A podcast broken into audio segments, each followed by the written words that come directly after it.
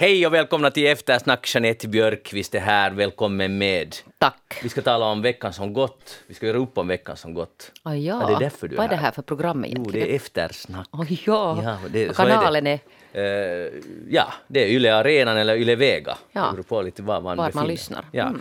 Joel Backström är filosof och inkallad idag. Länge sedan du var med. Välkommen. Ja, tack. Jag tycker att vi borde gå, övergå, eller det är nu sen när vi kommer till en lite högre nivå, till att liksom göra upp om veckan som kommer, före den är nu här. Jo. jag, kan hämta den här kaffepulvret som man läser Ja. framtiden i. Liksom, gör man så? Nu vet- finns det inte någon såna. Funkar varje gång. Hej, det blir bra. Kanske, eh, vet du vad, vi, vi, vi skulle kunna ha ett program i veckan som är om veckan som ska komma. Och en om veckan som gått. Det här tycker jag vi ska pitcha nu för, för Yle-ledningen. Ja, det finns fyrk att plocka upp där, helt säkert. Jag heter Magnus Lundén, programmet är Eftersnack. Vi har uh, tekniker idag, Max Kivivuori. Och då, hej, just det, nu, idag har det då börjat i Husis och i alla andra medier säkert också. Snäppet bättre timing. Uh, snäppet svalare och nu ska vi alla spara, spara energi. Det finns en webbplats för det här och så vidare. Och, uh, jag vill diskutera det här, men först, tycker ni att, förstår jag läser upp åt er vad det står i den här annonsen. Även om det ibland blir kyligare kan vi ta det lugnt på morgonen och tidigare kväll. Vad betyder det? Även om det blir, ibland blir kyligare kan vi ta det lugnt på morgonen och tidigare kväll. Alltså förstår du inte vad det betyder sådär ens på svenska? Alltså att Nej, jag förstår inte vad det betyder. väl att på morgon ö, och sen tidig kväll skulle det väl kanske vara. Men Då, då ska man inte använda så mycket el, det måste väl vara poängen. Jag, förstår, men om du skulle ta det här ur sitt sammanhang. Ja, nej, nej, Det omöjligt är att förstå. Nej. I alla fall inte Och på vilket sätt tar det lugnt? jag vet, det är just det jag inte vet. Ja, nej. men vi kan ta det lugnt på morgonen. Det är, det är en bra sak förstås, att man kan ta det lugnt på morgonen. Så det är generellt sett. Du är lite speedad nu, du har ganska mycket jobb. Kan du ta det lugnt på morgonen? Nej, det kan jag nog verkligen inte. Jag har fått höra klockan 7.55 i morse av en kollega att nu kan vi inte servera mera kaffe åt dig. Bra. Och det skulle aldrig falla mig in Och heller att servera dig drack, och kaffe. efter det drack jag nog fyra, fem koppar till.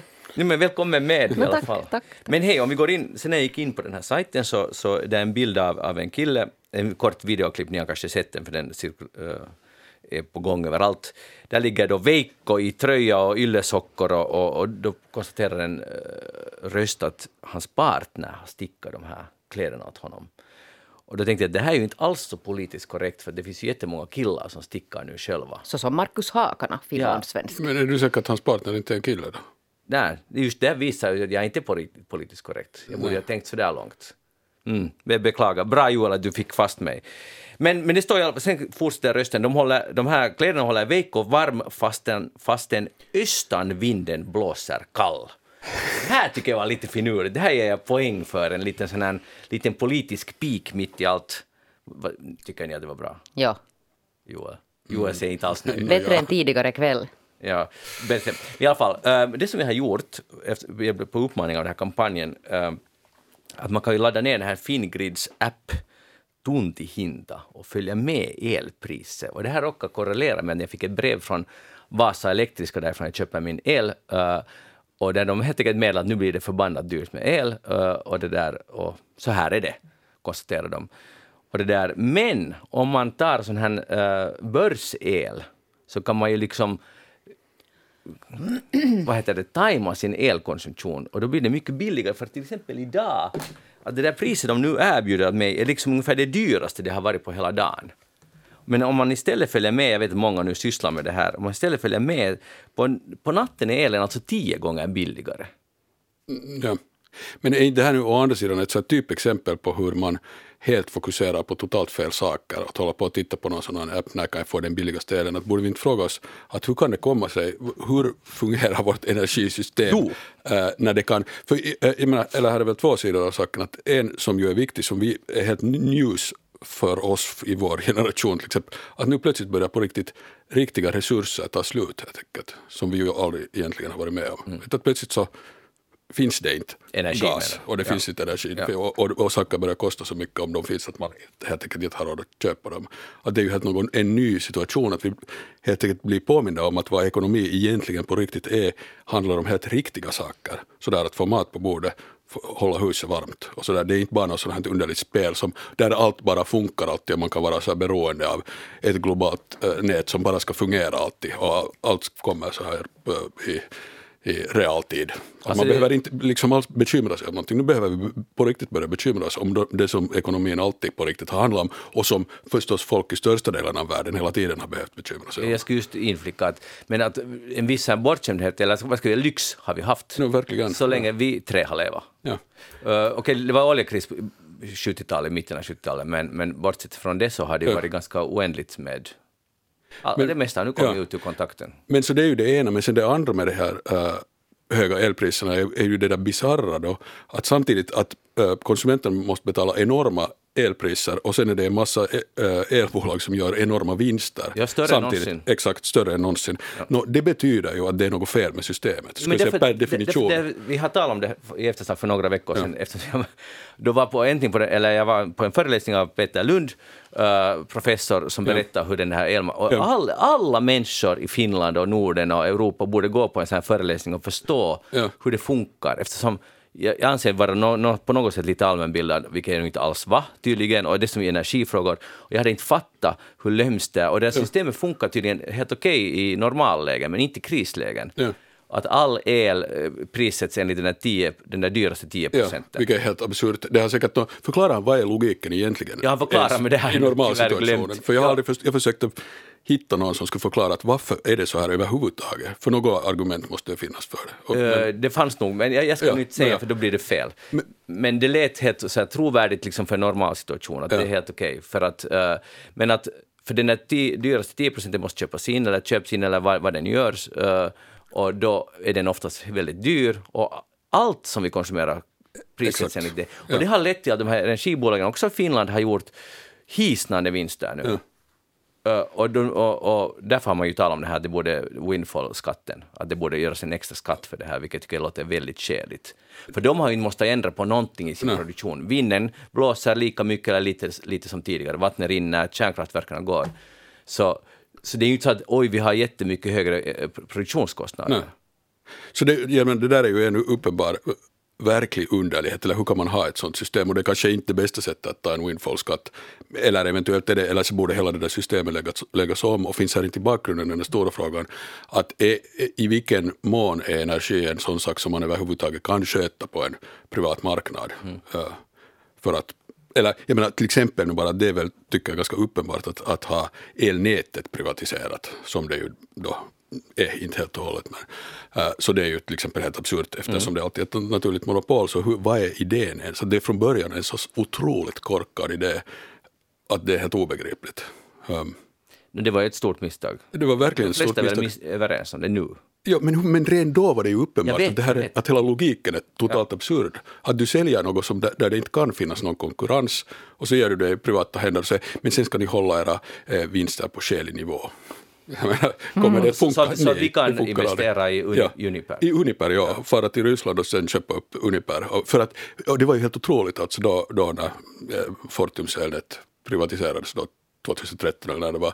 Så eh, jag kollade just på någon gammal artikel där jag tror att det var Haavisto som sa, men det kan ha varit någon annan politiker, som sa att, ja, det är nog inte vettigt för finska staten att hålla sina pengar i en sån här, eh, eh, i en sån här egendom, det vill säga elnätet, som avkastar så dåligt, att det är inte vettigt för finska staten, medan det är vettigt eh, för några kapitalister från Australien som endast är intresserade av avkastning, de tycker att det är en bra investering, men finska staten har högre krav på avkastning. Jag menar, hur, hur dum får man vara? Eller jag menar, det är helt Eller man galet. får inte vara, men man är. Ja, men totalt galet är det. Från början. Uh, Ja, och sen för att inte tala om att det är sån här grunden, grundläggande infrastruktur som stater borde hålla alltså i egna händer. Jag kan inte Absolut, fatta hur ja. man inte liksom tänker på de Ja, av sakerna. alla säkerhetsskäl och Ja, allt möjligt sånt. Och sen just att eftersom det är så grundläggande infrastruktur så betyder det ju alltid eh, att de vet att de, om, de inte, om, de inte, om det inte så att säga lönar sig för, för dem att satsa i det där nätet så måste staten alltid stiga in och satsa i det, för det där nätet måste finnas. Så det är ju en helt, av det skälet också totalt idiotiskt att ha det privat. Det finns absolut inga vettiga argument för det, vad jag kan säga. Nej, och sen kommer det alltid...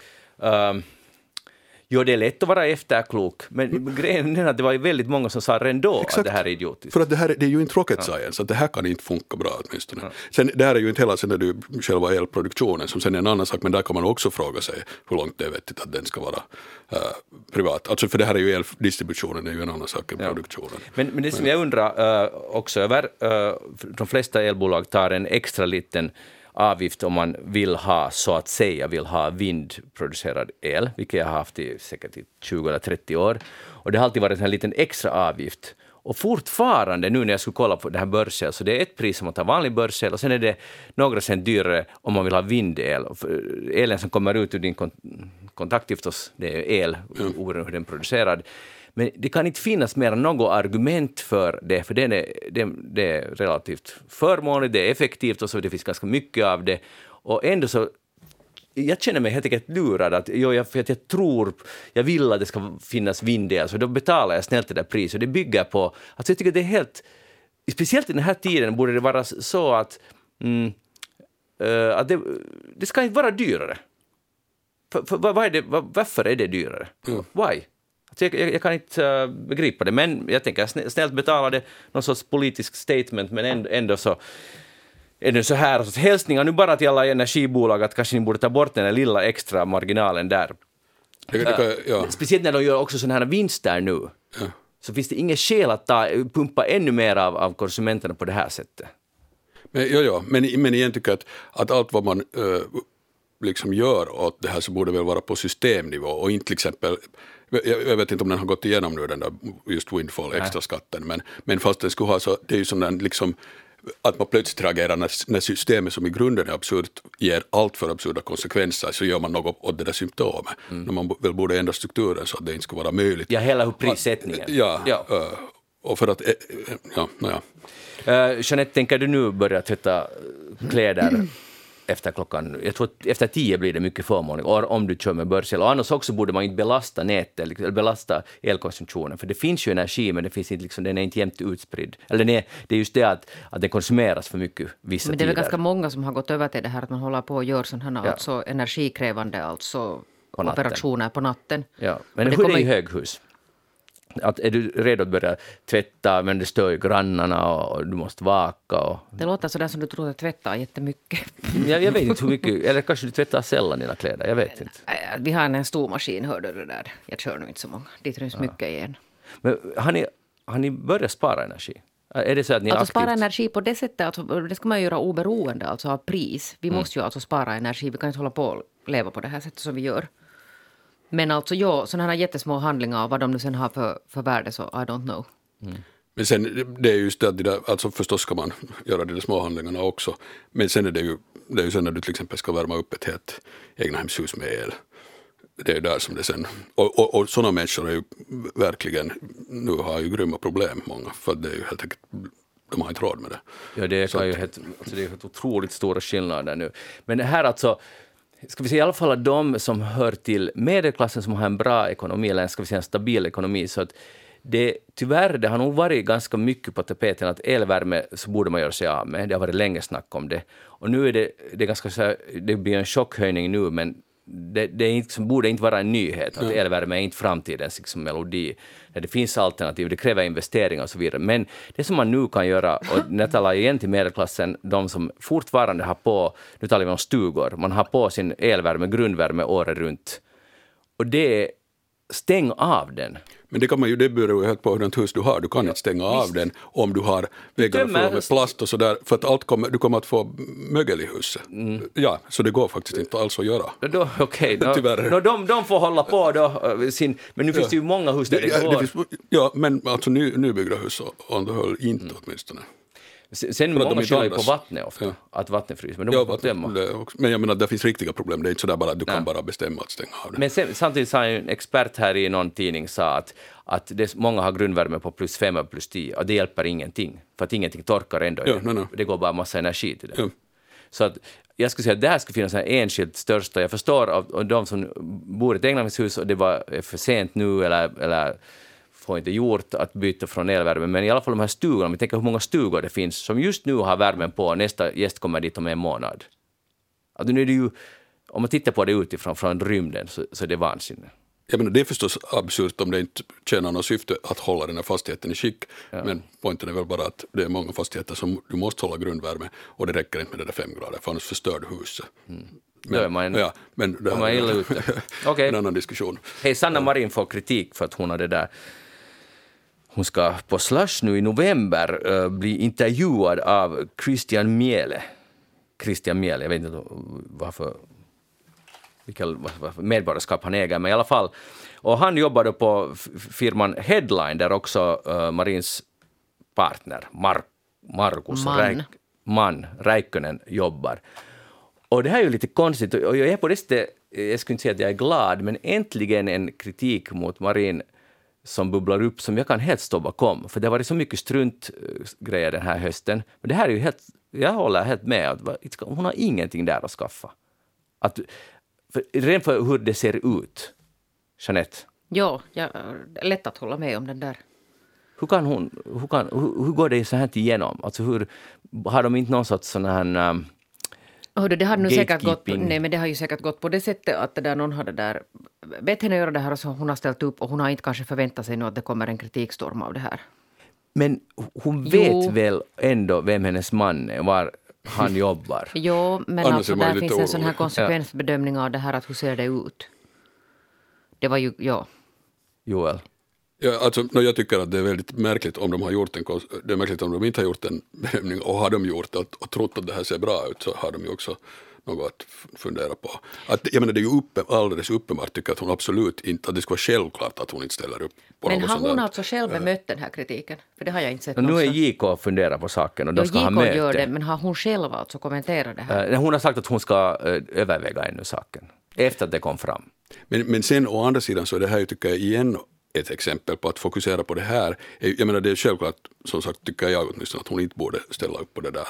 Eh, men sen är det ju att fokusera på en helt oväsentlig sak i jämförelse med det som är det riktiga problemet, eh, vilket enormt inflytande storföretag har på, på policy, på politik, på nästan alla områden i samhället numera. Helt, inte för att de en politiker går någonstans utan för att de har eh, liksom så starkt lobbyinflytande på hur politiken och policyerna utformas, särskilt i de här liksom, eh, internationella organisationerna. Men i, och i Bryssel förstås, som alla vet, det är ju ingen nyhet.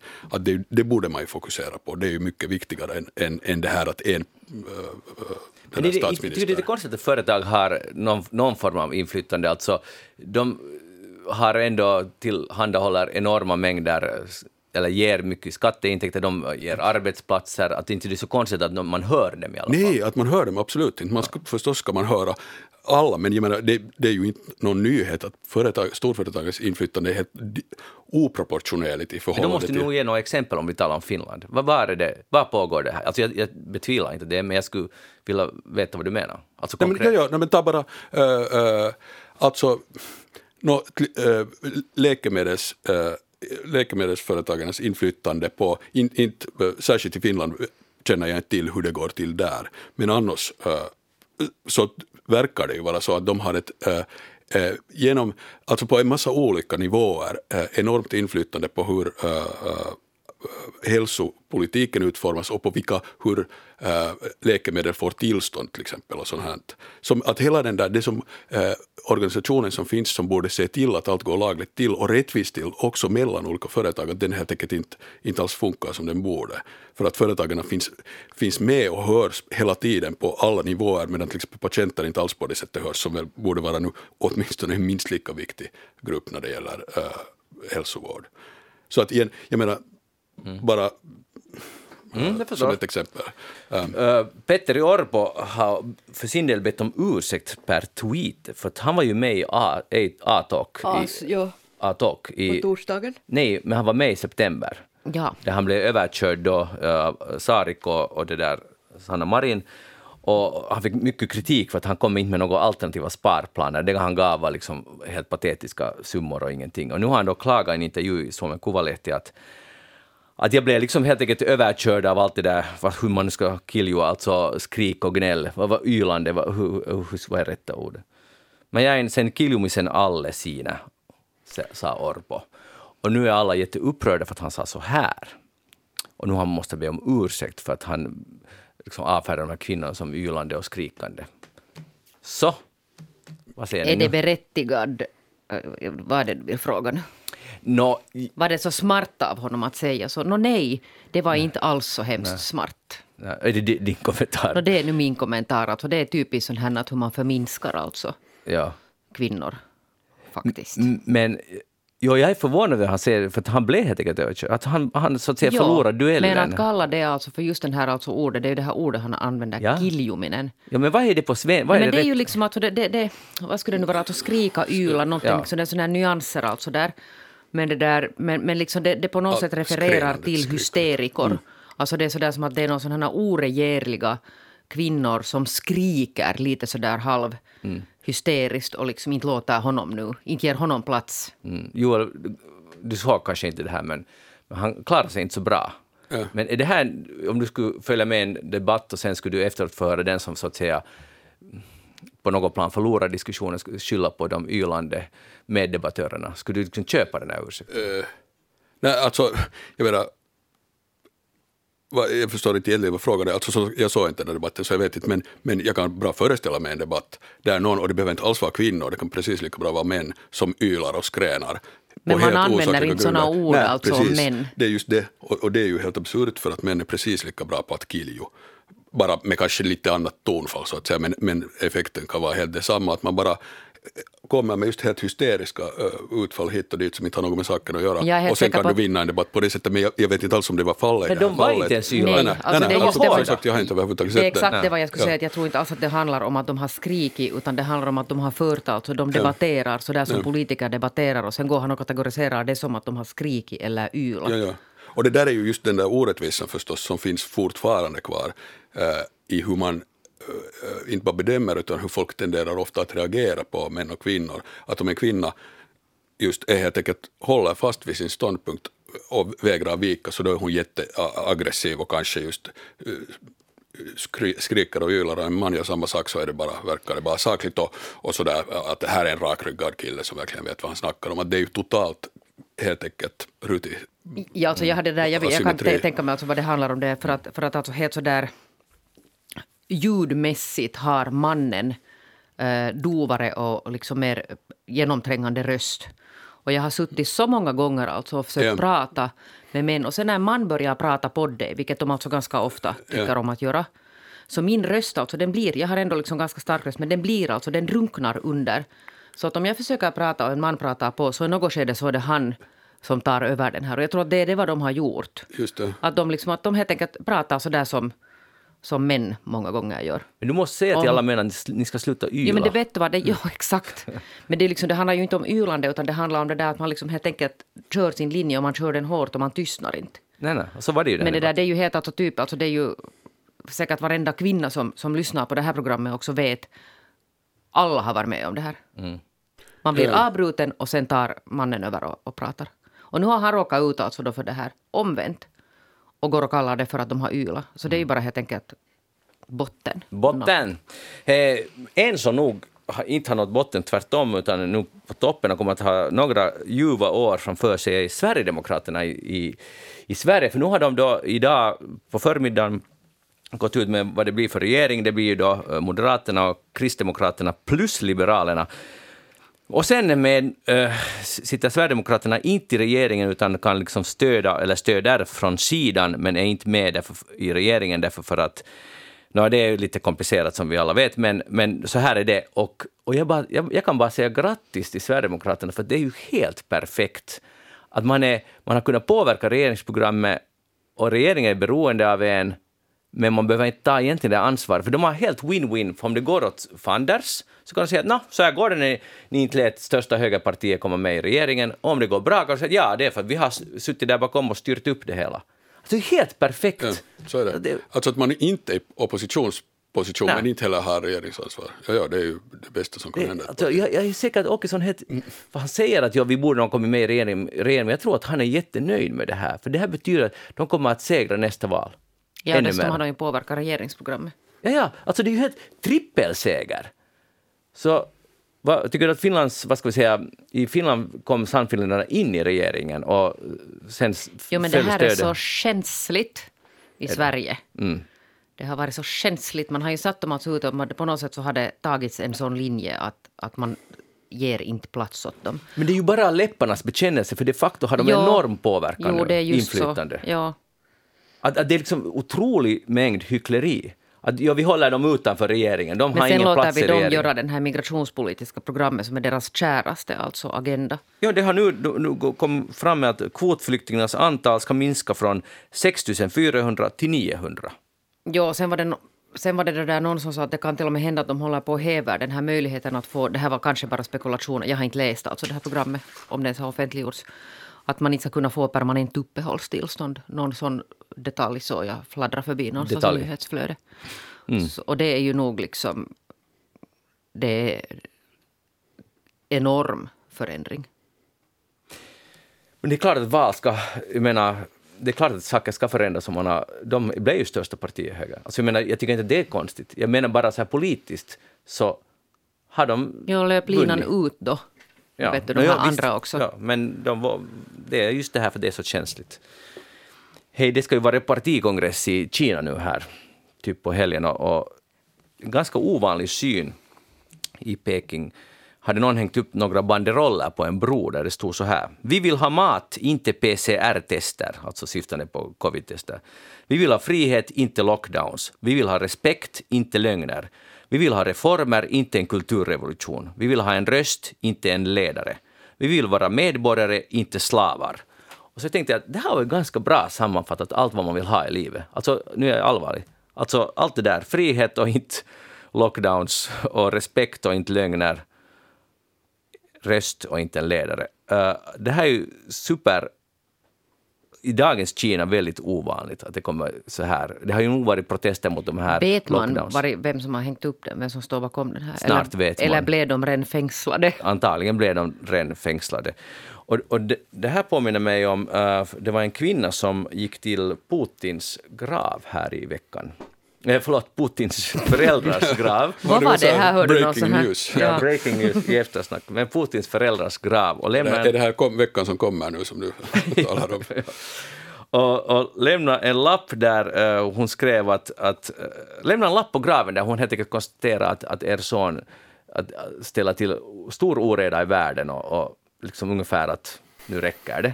Och så tack vare noggrann övervakning, kameraövervakning fick de fast henne. Nu är hon dömd till, eh, hon ska kunna dömas till fem års fängelse, men hon dömdes istället till, eh, vad heter det, eh, att hon måste vara hemma nu fram till november utan Husarrest. husarrest utan internet, telefon och tidningar. Så det blir många böcker att läsa under den här tiden. Så sonen var helt nöjd att det skulle kunna vara värre. Men då tänkte jag på, eller jag läste om en aktivist som heter Anastasia Filipova som gjorde samma sak tidigare i höstas tror jag, när hon gick också till, det var kanske i våras, gick till den här samma grav och lämnade en lapp till Putins föräldrar där det stod så här. Kära föräldrar, din, och det var inskrivet i en sån här skolbok med så här rutigt papper, så här som anteckningsblock. Eller något. Kära föräldrar, din son beter sig skamligt. Han Er son måste ju No, det måste ju vara. Er, er son beter sig skamligt. Han hoppar över historielektioner, han bråkar med klasskamrater och han hotar att spränga hela skolan i, i luften. Vidta åtgärder. Och hon blev också, hamnade också illa ut, men det var en ganska välformulerad lapp. Och jag bara tänker på lappen som protestmetod. Och nu drar jag en till kort grej bara. Eh, Den här boken Ensam i Berlin av Hans Faluda, Falada, som handlar, handlar om också med ett par som lämnar lappar i trapphusen i, i Berlin under Hitler. Sen bara att protestera, så här små flyers, handskrivna lappar. Och det var en ensam liten protest och det gick inte sen så bra för dem. Uh, men i alla fall, vad jag vill fråga er, tror ni att det kan ha betydelse? Lapprevolution, lapprotester. Det beror lite på var de här... Det finns ju den här, alltså, de här legendariska trapphus mellan grannar, kommunikation via lappar. Ja, det Åstad, li- åstadkommer man förändringar. Eh, oftast det bättre. åstadkommer man problem Ja, med de lapparna. konflikter. Ja. Men ja, alltså klart att det kan ha betydelse. För att jag menar alla stora systemskiften börjar ju med små lappar av ett eller annat slag. Och först ser det länge helt omöjligt ut att det skulle ha någon som helst effekt. Och sen är det ju ofta så att det sen plötsligt på ett sätt som ingen liksom, expert kan förutse så får det en sån här, kommer en snöboll igång och sen sen har man plötsligt diktatorn borta. Så Mm. att jag menar, det är klart att det, Någonstans börjar det. Det börjar alltid med någonting som för alla så att säga är vettiga, realistiska människor tycker att det här är helt galet, att det här kommer aldrig att leda till något. Och sen leder det till något, kanske nästa dag eller kanske om 20 år. Eller kanske aldrig, det, är ju, det finns aldrig någon garanti. Men, men bara det att protester mot ett uh, förtryckande system kommer alltid först att se helt galna och orealistiska och hopplösa ut.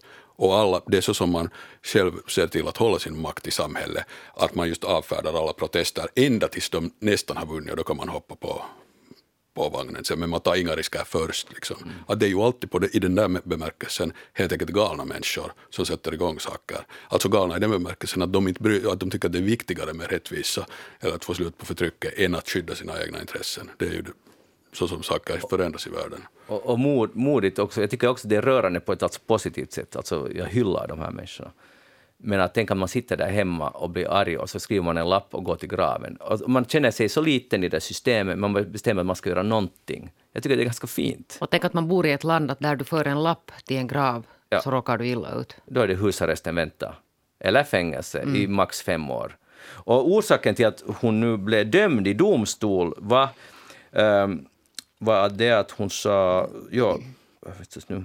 Hon begick ett brott vars fara för allmänheten ligger i att förolämpa minnet av de döda och de levandes känslor gentemot de döda. Jaha, Så att- det var ju intressant. Dubbeldom. Var det månne någon sån här klausul som fanns eller som skapades för den här situationen? och det går ganska snabbt genom sådana i domen, att man bara poff, Ja. så har man en ny lag. Nu har vi en sån här som skulle kunna... Så här formulerar vi det här. Ja.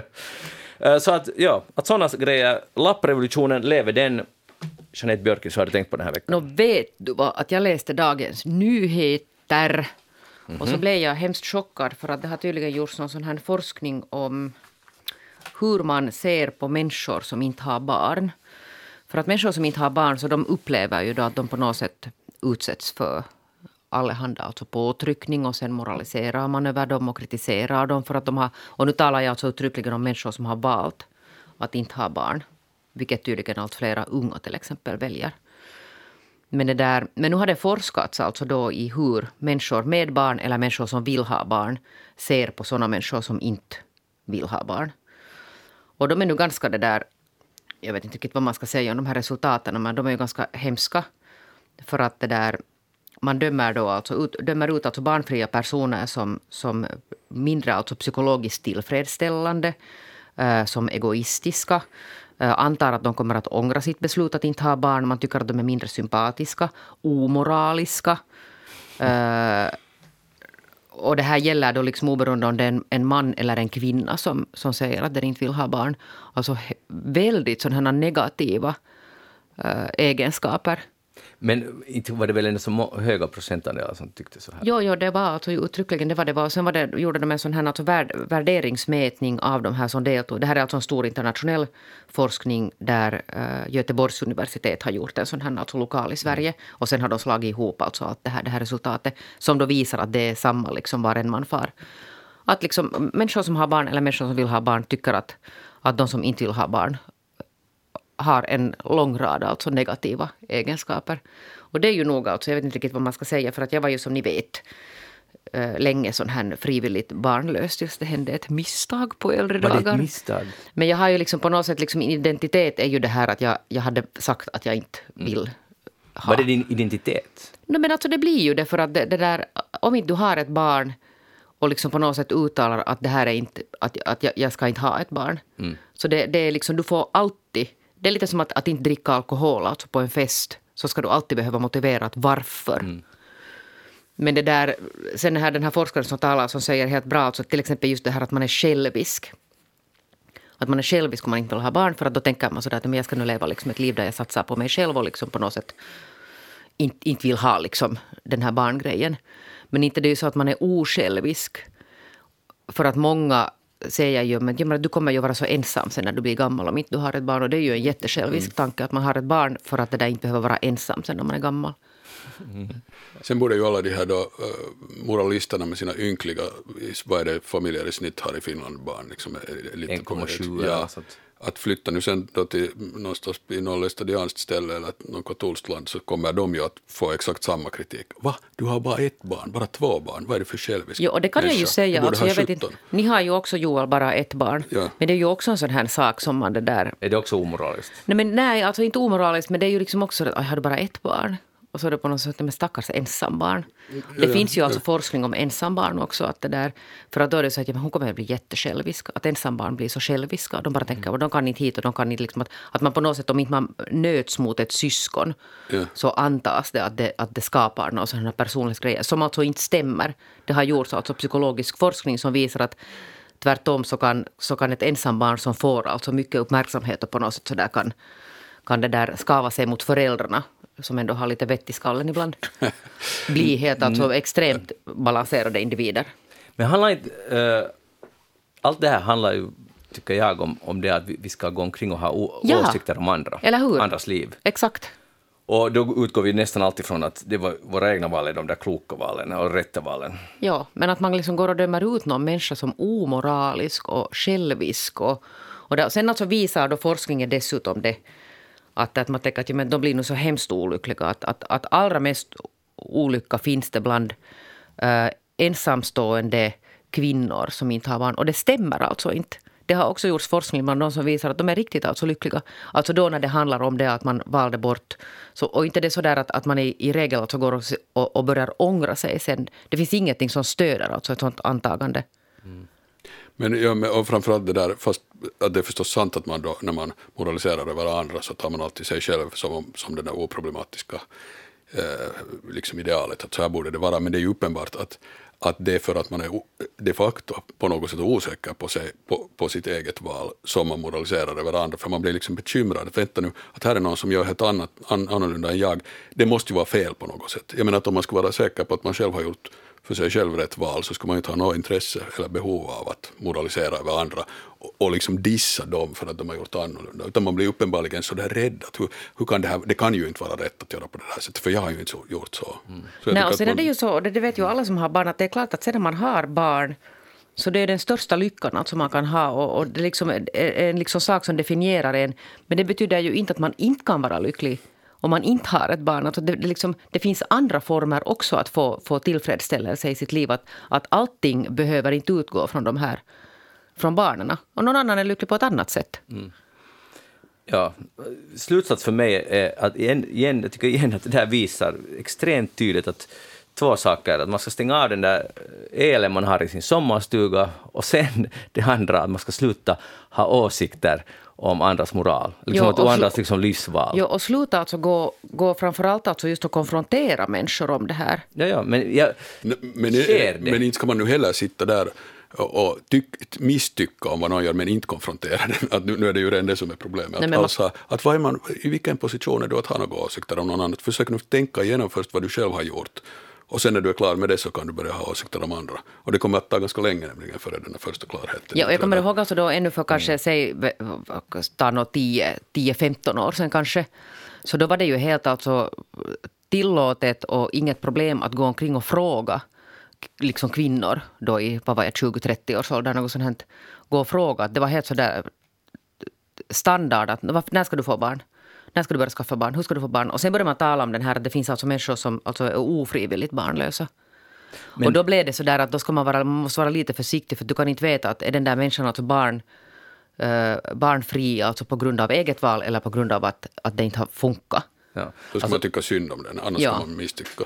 Men om det är nära vän så kan- måste man ju få ställa den här Jo, jo, frågan. men det är klart, men det är ju en helt annan sak alltså. ja. Men, men det, är- det är det som är paradoxalt liksom, i vårt samhälle nu. Att, eh, jag menar, om det här är helt grovt förenklat förstås grovt taget, men att i ett traditionellt samhälle så är det ju liksom så att det är helt enkelt klart. Du, om du är kvinna så det här är din väg i livet. Om du är man så, och född här och här, om din pappa har gjort så här så då är det klart vad du ska göra. Så där, där är det en, så en öppen liksom, moralism, att du, det här är din plats och där ska du hållas. Medan vårt samhälle är ju sånt att i princip anser vi alla att var och en ska få välja själv. Det är det viktiga lilla vän, att du ska lära dig välja själv. Och sen är det ju ingen jävel som tror på det på riktigt. Liksom. Det, som det visar sig just sådana här, att man hela tiden håller på och moraliserar andras val just för att man själv är så osäker med sitt val för att man har, borde ha gjort det själv. Har jag nu valt sen rätt då? Kanske det här inte var rätt. Så att alla har gått omkring med så grym ångest över sina egna livsval för att det, det är ett krav på att de ska göra dem själva. Inte går nog alla omkring med grym okej, eh, ångest. det här är lite överdrivet, men inte så mycket. Men man tittar, tittar så mycket ångest det finns kring det bland ungdomar. Nu, nu finns det o, alltså otroligt mycket. Mm. Och med, jag skulle säga helt klart mer än det fanns när vi var unga. När det gäller livsval, eller Ja, livsval. ja, För, att det, ja. för att allt, varje lilla sak så ska du börja välja det från jättelite. Och plus kombinerat med den här frasen, kom ihåg du kan bli vad du vill. Ja. Och vilket ju är ett krav, att, så se nu till att det blir något bra. Ja, ja, det är ju verkligen inte något Ja, Det ingår inte att du blir, blir, något, blir något helt, liksom, så att säga, ingenting. Det är aldrig. Utan det, det, det är att du ska bli FNs generalsekreterare eller, eller president eller business-VD eller, eller whatever. Musiker med miljontals... Alltså jag menar, Ja, ja. det är underförstått att det ska gå helvetes bra. Ja, Jag måste få säga sen för att om någon får för sig, för att det var jag fick höra alltså säkert tiotals gånger var det här att man är självisk för att jag tar inte ansvar för uh, skatte. Betala. Ja, ja, okej. Nej, men att jag säger för att det, att Ja, det behöver okej. ingen skriva alltså på vår Facebook-sida. Att man är självisk om man inte har barn för att då tar man inte ansvar. Vem ska betala din pension Ja, ja. sen då? Ja, Men-. Och just tänk så idiotiskt. Tänk att, att det här det är vad man på riktigt tänker om man liksom, det här är nu det där, ja, är det jag sen som ska betala din Ja, det är mina barn sen som ska menar, betala. att- Men tänkte du att att vem ingen ska kan ju betala på din? riktigt tycka att det där är liksom en, Nej, men det vet du det, var, det är vet. ingen ovanlig kommentar Nej, kan jag säga. Joel Backström, vad har du tänkt på den här veckan? Eh, jag har tänkt faktiskt på Jordan Peterson, som ja. jag inte vet om ni känner till. Vet ja. ni? ja, okej. Ja. Men berätta nu om någon ni nå, känner sådär, till. Ja, alltså han är ju en sån här äh, kanadensisk psykologiprofessor, eh, eller ex nu mera, han är väl inte på universitetet, som är en, kanske den kändaste äh, intellektuella personen i vä- världen för tillfället, eller en av dem ska vi säga. Han har en, en, en massa människor som, eh, som följer honom på, eller ser på honom på sociala medier och han har skrivit eh, en massa bästsäljande böcker och han var alltså i Helsingfors i ishallen eh, här på, i söndags och höll en, en föreläsning. Och, det där, och jag var där och, och, kollade på honom och jag tänkte här, här finns många intressanta aspekter att disk, diskutera, men det första kanske är det där hur man överhuvudtaget, för jag, jag tyckte alltså att det han sa var intressant, vilket inte alls betyder att jag höll med om, om allt han sa eller något sånt, men att jag tyckte att det var viktiga frågor han tog upp som man verkligen skulle kunna diskutera. Så det var inte alls på det sättet tyckte jag dåligt, utan ganska otroligt att man får en sån där, på en så där pass hög intellektuell nivå håller någon en föreläsning och du har ishallen full. Vet du, vanligen när man går på en intellektuell tillställning så är det 20 pers max som sitter och det är några gamla pensionerade unimänniskor och sen några unga unimänniskor. Och inga, alltså att ingen kan fylla en ishall, så det är ett ganska intressant fenomen, för det var inte något så här publikfriande och förenklande på det där sättet, utan det var på en ganska, ganska hög nivå. Så det är en i sig själv intressant som fenomen. Men sen hur andra förhåller sig till honom äh, på ett sådant, alltså för att äh, i grunden är det ju då så att, äh, att liksom vänstermänniskor och kulturfolk tycker att han är helt hemsk. För att? Eh, för att no, han är sexist förstås och transfobisk och, eh, och, och mer eller mindre alt-right, eh, någon sorts Är han det nationalist. Nej, det skulle, eller alltså det är ju tvetydigt, men det, men det viktiga tycker jag här nu först att inte fokusera, inte fästa genast okej. frågan vid det, är han eller är han inte, utan bara hur man reagerar på människor som har någonting alls att säga. Nu, nu för tiden gör folk, tycker jag, hela tiden det att, att den för, för, före man ens börjar lyssna på vad den säger, man, man hör ett ord som låter, oj nej, det där låter lite som någon alt-right skulle kunna säga sådär, eller det där lät ju sexistiskt, då är det nog bäst att inte alls lyssna på honom vidare. Alltså den där reaktionen som gör Absolut. förstås att man inte kan överhuvudtaget ta till sig någonting, att det finns ingenting att det blir omöjligt att föra någon vettig diskussion om någonting alls. Och den, den sortens reaktion är jättestark när det gäller till exempel Peterson. Som bara som ett exempel, det var i Iltis eller någon av kvällstidningarna så var det, hade de intervjuat före, inför hans då, besök på söndagen, en, äh, intervjuat en forskare vid Helsingfors universitet som har forskat i populism och hatbrott och sånt. Och Hon, hon inleder sin då, säger där att, ja, att hon har nu faktiskt då inte läst Peterson alls och alltså hon har tittat bara på något, lite börjat på något klipp men det verkar nu så dåligt och underligt så det, det är det som hon inte tittar vidare på. Och sen lägger hon ut texten exakt om vad han säger och inte bara det utan vilka sorts människor som lyssnar på honom, att det är sådana stackare som känner sig misslyckade. Alltså så här, tota, det här är en forskare som kan liksom sådär skämma ut sig totalt i en uh, rikstidning. Att, att jag vet ingenting om den här saken men jag har fått för mig nog, det, lär, det, det är nog säkert Det lär så. vara- ja, ja, absolut. Uh, och att den sortens, och då måste man ju känna- sig otroligt säker i sadeln om man kan skämma ut sig sådär totalt utan att inse att man gör det. Att man på något sätt vet att alla kommer att hålla med. Så att den sortens inställning tycker jag att är helt det är helt hemskt hur vanlig den är. Att man helt enkelt, att det första man gör, man genast liksom vill ha en stämpel på den här människan och sen om det är fel stämpel så då tänker man inte lyssna Men alls. en gång till, alltså, var läste du den här alltså forskarens kommentar? Eh, Det var i Iltalehti eller Ilta-Sanomat. Ja, men jag tror att det var samma forskare som sen gick ut och tweetade att det som hade hänt alltså var det att journalisten hade ringt till henne och hon hade sagt att hon vet inte någonting om det här och hade inte velat bli intervjuad och försökt alltså rekommendera andra människor som är mer insatta. Och så höll han på inte, hon trodde, alltså, hon trodde att det var en sån här bakgrund, så hon ville inte alltså bli intervjuad. Aha. Nå, Och sen gick den ut som en intervju och Nå, ingen tur. annan var, och hon var jätteupprörd för hon Tur att det var så för henne. ville ja, alltså inte ja. där. Men, men åtminstone hade hon sagt de där sakerna, som då, men det är ju viktigt om hon sa att hon, att hon Det var, inte alltså i, intervjuad. det Ja. var inte alltså i egenskap av, hon vi förstod inte att hon blev Just det, ja, ja, okej, no, jättebra att hon, för, då, tur att det var så. Ja. Men ska vi säga att det skulle inte vara underligt, alltså, eller rent att, de, att då, man kan ju ta det den vägen också, att för, också om hon inte sa det här så publicerar journalisten det här. Ja, Jag menar, och det är var för kanske då ett större Helt liksom- otroligt, för att man vet att det är den här sortens saker som, eh, som folk, många människor tycker om honom och sen bara liksom sprider man det vidare utan att lyssna Men hur var det här? Ja, och, och det var alltså eh, så att han, eh, hans föreläsning gick då eh, på det hela taget ut på, sen, sen var det frågor och svar eh, eh, i andra halvan, liksom. men föreläsningen var, eh, han talar om en ny bok som han håller på med där han diskuterar eh, eh, för, Gamla testamentet, första och andra Mosebok, de här olika historier därifrån som han då inte tar som sådana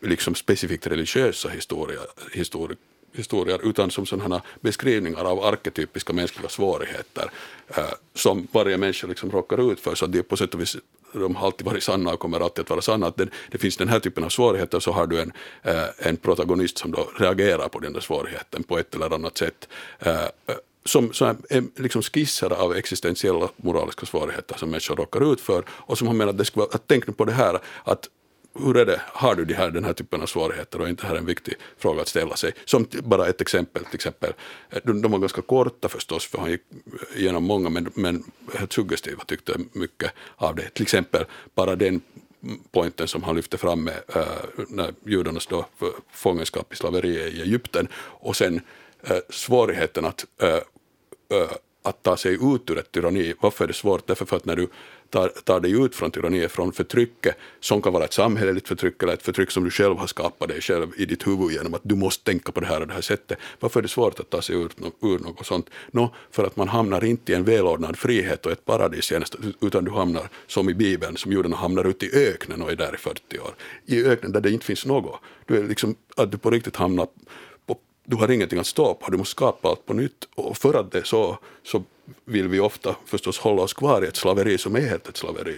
Så det, jag menar, en helt simpel point, det var den här typen av liksom, eh, poänger som han gjorde kring de här olika eh, då, eh, historierna. Som jag tycker, så helt, och det mesta av det var tycker jag, helt bra. Inte att man, inte, man skulle kunna säga en massa mer om det, men, men viktiga frågor att tänka på.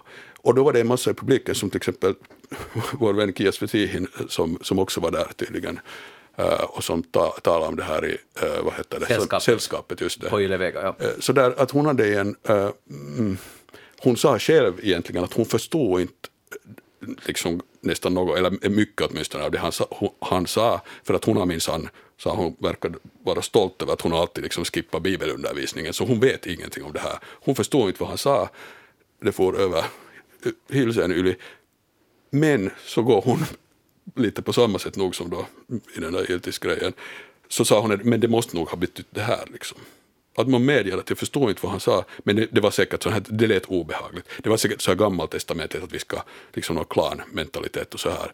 Eh, så att, men det var inte alls det som var poängen där, utan det var helt intressanta saker och igen, Alltså, jag, jag bara, det, det tycker jag också att är otroligt underligt inställning att man, man tar fasta på, man hittar något hos någon som man tycker att inte stämmer, ett, något som man skulle vilja invända mot och så här, och, och så tänker man att det här betyder att man, att man borde inte läsa eller lyssna på den här typen alls, som om det skulle finnas någon enda tänkare, eller någon enda tanke ens, som är sån att det inte finns att invända. Men jag tror att det där är jättevanligt, man söker efter för att kategorisera människor. Så Ja. att, att tycka den där si och så om... Uh, jag såg en intervju med honom, eh, någon av de här kändare, eh, Ja. om, där han uttalade sig nog också om Ryssland. Jag tyckte att jag tyckte faktiskt han talade ganska mycket strunt i den Ja, frågan. det mycket Och-. Och, ganska, och det är ju coolt att han är självsäker, men han har liksom förkunnat så här är det. Och jag höll, höll egentligen inte alls med honom. Men jag tyckte, sen när jag kom liksom över, och då fick jag den där reflexen att jag stänger av den här killen. Ja. Liksom just det här primitiva, som jag tycker är ju faktiskt primitivt. Så man måste, jag håller helt med dig. Att, och jag ångrar att jag inte var på den där, men, men att det är ju intressant att utsätta sig och, och inte bara kategorisera en och, och om den tycker si om en sak så det betyder det så om allt annat. Att jag, jag kan inte vara av samma åsikt, alltså stänger jag av honom. Jag, så det, eh, för annars var den intervjun superintressant och jag, jag kan tänka mig men det som jag skulle vilja fråga dig, för, för det har gjorts ett stort nummer av att, att det, det är för män det här och, och män som ska, han säger att man ska bädda sin säng och ta hand om sig själv och klä sig snyggt och, och vad, hade det stor betydelse i det här? Eh, mm, no, det, jo och nej, det hade på ett visst sätt inte alls någon stor betydelse att hela den här, just de här bibliska, bibliska grejerna hade egentligen ingenting särskilt med män att göra, men han har nog tendensen också där att ändå på något sätt som om han skulle tala i första hand eh, till män, medan allt han sa var helt sådant allmänmänskliga Men det svårigheter. bygger ju, alltså, det bygger ju på hans tidigare produktioner. Ja, ja, ja absolut. Att nu var det jag vet, han har skrivit en massa om, om just det här män och kvinnor och där tycker jag att han är liksom eh, som sämst, alltså om man sen vad han har för politiska åsikter specifikt och så där, där kan han också vara helt, skulle jag inte alls hålla med. Eh, Men när han talar om män och kvinnor så har han en tendens att falla tillbaka på den här psykologidén att det finns liksom helt enkelt någon sorts naturlig empirisk sanning om hurdana män och kvinnor är. Ja, det kör han ju på Eh, mycket. Och, som jag tycker att, och där han egentligen motsäger sig själv annars, för att annars så vill han just hela tiden betona att, att det är inte så att vi är inte som han gjorde i Helsingfors ishallen också, att börja med att säga att vi är inte determinerade varelser människor. Eh, vi är inte bestämda till något, utan vi står inför problem av olika slag som vi måste ta itu med, eller vi kan försöka fly undan dem och vägra ta itu med dem. Det är också ett sätt att, att äh, möta dem genom att låtsas att man inte behöver möta dem. Men du måste möta de där problemen och så fattar du ett val. Det är inte givet hur du beter dig. Och det tycker jag att han själv glömmer bort sen när han talar om män och kvinnor, som om det skulle vara på något sätt självklart givet vad det är att vara man och vad det är att vara kvinna. Äh, istället för att de är precis på samma sätt som allt annat, så att, att du ska fråga dig att jag som man eller jag som kvinna eller som annat kön, att vad, vad tänker jag om de här könsstereotypiska sätten att reagera? Är det här på riktigt sån som jag vill vara eller borde jag kanske försöka göra mig av med dem eller eh, så här? Så där tycker jag att han lite glömmer sin, Inkonsekvent. ja, eller nej, men igen inte det, in, utan att han glömmer sin egen, sina bättre insikter så att säga. Och, men igen, jag tycker att det viktiga poängen här är att inte, om, man, om man tänker att för att någon säger något som är fel eller dumt eller som man inte håller med om så ska man inte tänka, läsa den alls, så då finns det ju ingen jävel att läsa. Varje tänkare har totalt fel i en massa saker. Det finns ingen, och jag menar att det enda som är intressant med en tänkare tycker att har den intressant, gör den intressanta misstag eller bara dumma, sånt som väcker viktiga frågor och viktiga invändningar. Det skulle vara det viktiga. Och, och det uh, intressanta här tycker jag, den där poängen som du började med, att få ishallen full med att snacka. För det var väl inte någon, nu har vi lite paus med musik här eller... Nej, nej, nu- ingenting sånt. Att det var bara Bara- snack. ja. Och hur länge höll det på? Kanske två timmar eller något sånt. Jag, jag, det är tid, ganska men imponerande. Inte så illa. No, men så det var värt att gå dit. Absolut tycker jag. Ja. Bra.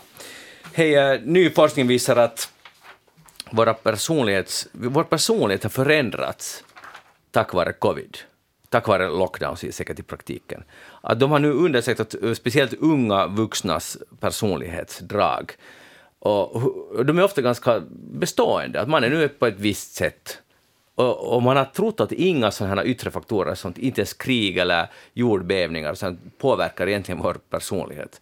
Men nu har de kommit fram till att, att tyvärr, på grund av eh, covid lockdowns, så har personlighetsdagen hos överraskande stor del av yngre vuxna påverkats. På vilket sätt? De har blivit, uh, deras humör är mycket mer växlande, alltså det har blivit sämre, Om- eller jag skulle säga att det här är nog sämre. Mer så här, omväxlande, humöret går upp och ner, Uh, man är mycket mer benägen att stressa, man är mindre samarbetsvillig och man vill inte ta ansvar och överhuvudtaget sådär, ja mindre återhållsam, det kan man ju också tolka positivt förstås, men man känner inte förtroende för någon och man är inte heller förtroendefull i sig själv. Så uh, det är ju en ganska stor grej om det är så här. Att, att ingenting, våra personlighetsdrag är opåverkbara förutom av lockdown 2021. Ja, men den här lockdown, alltså det, är ju, det är ju isolation. Ja. Och det där isolation är ju inte bra för mäns, människans psyke. Det, är väl alltså, jag menar, det finns en orsak att man låser in människor i fängelse, alltså isolerar dem i fängelse. ja, precis. Men, men det är ju i och för sig också en helt underlig idé från början att våra, våra personlighetsdrag inte skulle påverkas. Att vadå, att om du är med om jättetraumatiska saker så du kommer ut helt som detsamma därifrån. Eller att man inte skulle kunna liksom lära sig någonting. Att Jo, faktiskt jag, jag, jag, jag håller med om det, låter Ja, lite konstigt. Men, men det baserar sig på någon form av forskning att, att, att, Ja, ja, det gör det förstås. att stora saker, att i grunden är vi samma människor. Det kan man förstås diskutera. Men, Ja. men nu har de i alla fall kommit fram till Ja, något ja, tydligen ja. jämfört. Precis. Ja, ja, det är ju intressant. Ja. Absolut. Så, så jag, tror, jag tror vi måste fundera efter jättenoga nästa gång vi inför lockdowns. Att vad vi... Hur, hur, Om vi inför lockdown. Ja, om. Alltså, att skall man och så vidare. Hur var det på den där kinesiska lappen? Vi vill inte vara inlåsta. Ja, ja de, de, vet, de i Kina vet vad de talar om när det gäller lockdowns, som fortfarande väl håller på. Hej, eh, du har ju inte hund, Jeanette, men går det, om du skulle ha hund, så skulle du Jag är en ha, hundvän. Du är en hundvän. För nu har man kommit underfund med i Queens University i Belfast att det där hundar känner av när eh, husse eller matte heter det så, ja, när de är stressade. Och det via odören som du utsöndrar eh, när du är stressad. Din Ja, andedräkt och du luktar illa, eller luktar jo, annorlunda. Jo, jo, men det där gäller katter också. Aha, så, så de... En Jag har empirisk forskning. träffsäkerhet på 94,44 procent, eller förlåt, 93,75 procent av tiden så känner de av när en människa är stressad. Jo, och sen, blir de, de, sen blir de deprimerade om man det där är för mycket på skärmen. Husdjuren också. Det här är empirisk forskning. Ah. Birlax Science Academy. Men hur är det med, tycker djuren om skärm? Nej. Är du säker? Ja. Inte ens fast jag brukar spela sån här Youtube-fågel, sån här Four Cats. Det finns såna video på Youtube. Du brukar göra det. Ja, men alltså de blir ju inte... Djur behöver ju lukt. Alltså för att det där är... Alltså bara en sån här bild brukar inte det vara så intressant. Så alltså finns det några människor vars mål det är att katterna också borde sitta vid skärmen hela dagen? Nej, men det är sådär man sådär, vet, du, måste ha, om de är ensamma en hel dag så Ja, ja, man att det är kivare för dem att lyssna på fågelkvitter. Ja, Men det där gör inte hemskt mycket med det där. Men det finns jättemycket och lukter och man borde spraya olika liksom... ja, eller så lukter. bara är man där tillsammans och närvarande med sina djur. Nej, men Hund och katt och kaniner och vad man än Men finns. vad gör var då hemma ja, ja. hela dagen? Ja, men jag ska ju fara nu, ser du. Ja. Nästan. Och det är därför du vill sluta nu. Ja. Men tack Jeanette Björkis, så far hem och ta hand om katt. Ja. Har du en eller flera? Två. Två. Joel Backson, tack för att du var här. Jag heter Magnus Lundén och ni får gärna e-posta oss på eftersnacksnabelayle.fi. Till exempel om ni var med på uh, vad heter Jordan Peterson. Petersons uh, show i söndags eller gå in på facebook.com sen eftersnack och tyck till. Vi hörs igen om en vecka. Ha det bra. Hej då.